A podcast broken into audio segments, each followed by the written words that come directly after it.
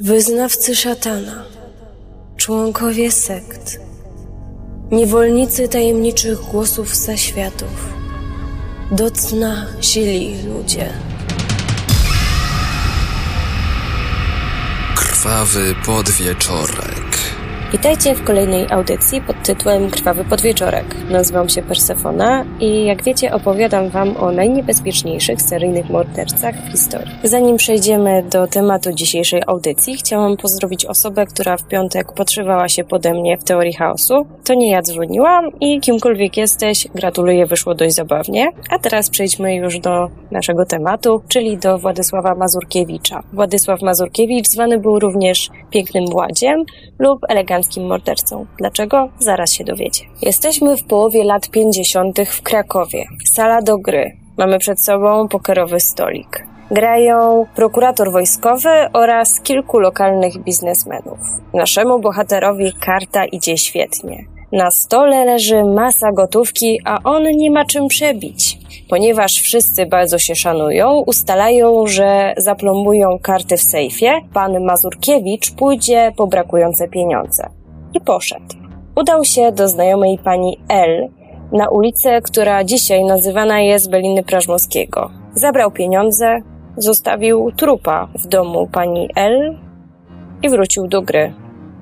Przebił i przegrał. Zabójstwo nie opłaciło się. Władysław Mazurkiewicz urodził się 31 stycznia 1911 roku w Krakowie. Pochodził z niezamożnej rodziny. Jego matka umarła, kiedy miał zaledwie kilka lat i opiekowali się nim ojciec oraz babcia. Skończył szkołę podstawową, potem gimnazjum, po czym udał się na prawo, lecz nie ukończył tych studiów. Później przeniósł się na politologię, której również nie ukończył. Czemu? Przeszkadzało mu w nauce zamiłowanie do życia towarzyskiego. Aby mieć pieniądze, skończył szkołę poligraficzną i aż do wybuchu wojny pracował w drukarni.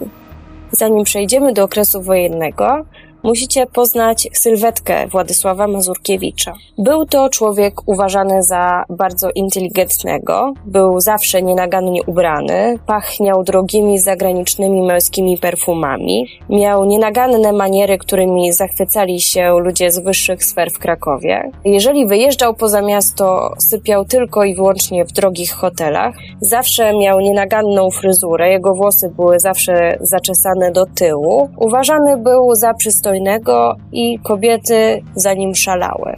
Uważano, że nie ma zabawy bez pana Władzia. Bywał w wielu salonach powojennego Krakowa i obracał się w kręgach ludzi, którzy obracali dużą walutą. Często przebywał w hotelu francuskim, gdzie grywał w pokera. Gustował w towarzystwie inteligenckim, lubił profesorów, finansistów, jeździł też Oplem Olimpią, którym bardzo zachwycali się ludzie w Krakowie. Na tym kryształowym wizerunku istniała jednak pewna skaza, ponieważ część ludzi bardzo bała się Mazurkiewicza. Mawiano, że współpracował z UB, natomiast w czasie wojny współpracował, tak uważano, z Gestapo. Nawet jeżeli ktoś coś podejrzewał, że coś tutaj może dziać się nie tak, ludzie albo byli nim zafascynowani, albo bali się go właśnie przez jego koneksję. Chodziły plotki, że w ogóle jest konfidentem na UB, także bano się cokolwiek, jeżeli ktokolwiek coś zobaczył, zgłaszać. Uważano też, że jeżeli ktoś zobaczył, że Mazurkiewicz dokonuje jakiejś zbrodni, że jest to właśnie na zlecenie UB. W czasie wojny Mazurkiewicz nie zasłużył sobie na miano wzorowego Polaka oraz patrioty. Po pierwsze ograbiał mienie pożydowskie po likwidacji getta, a potem obracał tym, co zrabował za granicą. Miał taką możliwość, ponieważ posiadał z gestapo przepustkę z Krakowa do Lwowa, którą miała mu załatwić kochanka jednego z gestapowców. Miał też posługiwać się papierami, które mówiły, że jest fryzjerem w gestapo. Wiadomo było, że z Gestapo współpracował, handlował również walutą, swoich kontrahentów zabijał i miał ku temu wolną rękę, ponieważ gestapowcy nie interesowali się polskimi trupami. Mazurkiewicz miał kupować dolary, a kiedy dochodziło do płacenia, klient dostawał kanapeczkę z cyjankiem. Kanapka ta zawierała kiełbaskę, która wtedy była towarem deficytowym, także mógł się połakomić. No i po zjedzeniu takiej kanapki, wiadomo, schodził był z tego padołu, a zwłoki Mazurkiewicz zakopywał, ponieważ zwykle spotykał się na pustkowiach, albo wrzucał na przykład y, takiego trupka do Wisły. Mazurkiewicz przez swoje koneksje mógł bezkarnie obracać gigantycznymi kwotami oraz szastać pieniędzmi. Myślę, że jest to jeden z powodów, które go zgubiły, ponieważ w szybkim czasie został hazardzistą, więc musiał skądś brać pieniądze do gry. No i właśnie w ten sposób zaczęły pojawiać się kolejne trupy. Kiedy wojna skończyła się, Mazurkiewicz na zlecenie UB miał kierować pociągami PCK z repatriantami ze Szwajcarii. Oficjalnie handlował też skórą, butami oraz różnymi dobrami z wyższej półki. Swojego zbrodniczego procederu oczywiście nie zaprzestał. Po wojnie również wywoził swoje ofiary na odludzia, ale nie truł ich już cyjankiem, tylko strzelał im w tył głowy, a potem denata zakopywał lub też, tak jak wcześniej, topił w rzece.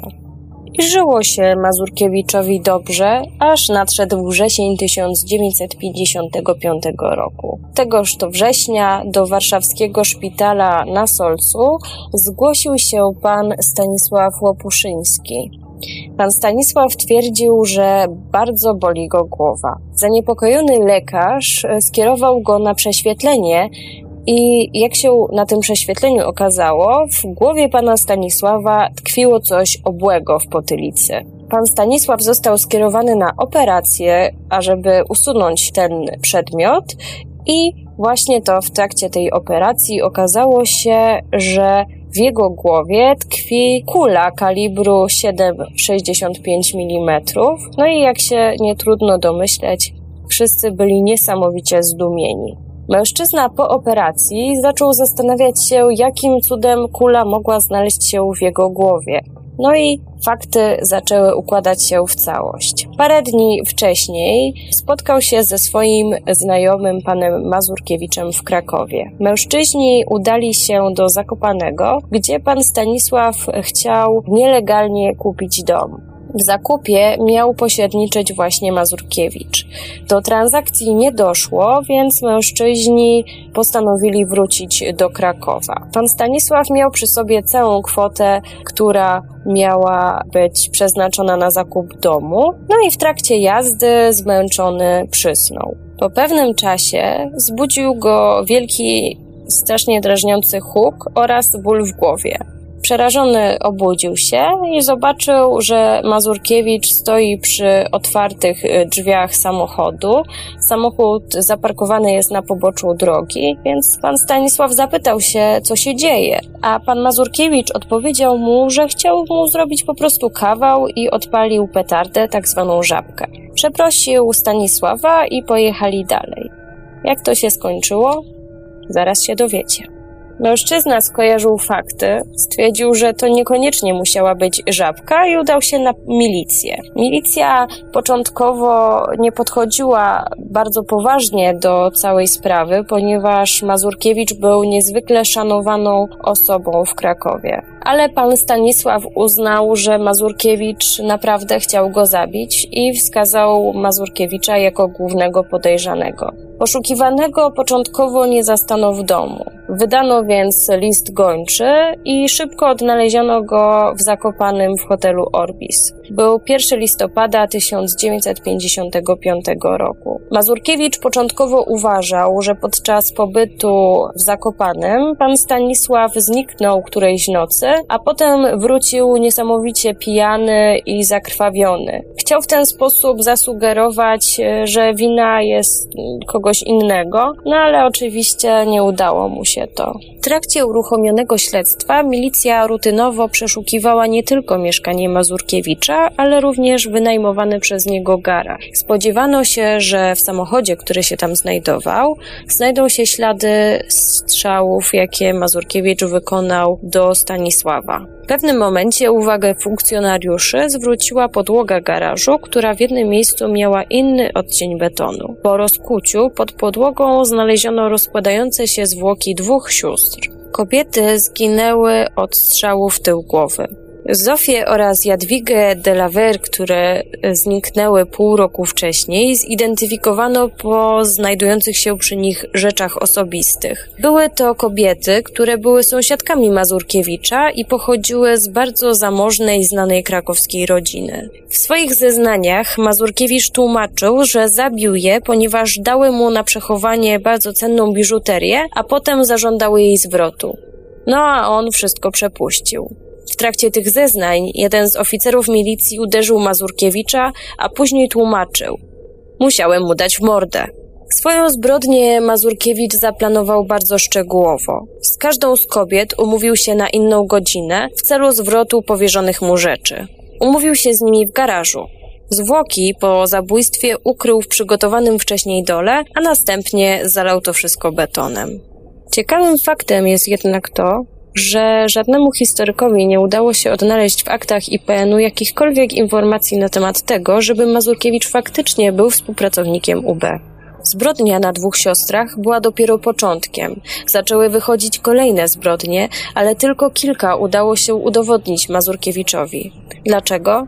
Ponieważ uważano, że jest on szpiclem UB i świadkowie po prostu bali się zeznawać. Wkrótce okazało się, że w kręgach Mazurkiewicza zginęło o wiele więcej zamożnych osób. Zaczęto uważać, że jego majątek nie pochodzi z intratnych interesów, ale właśnie ze zbrodni. Przyjaciele zaczęli odwracać się od Mazurkiewicza.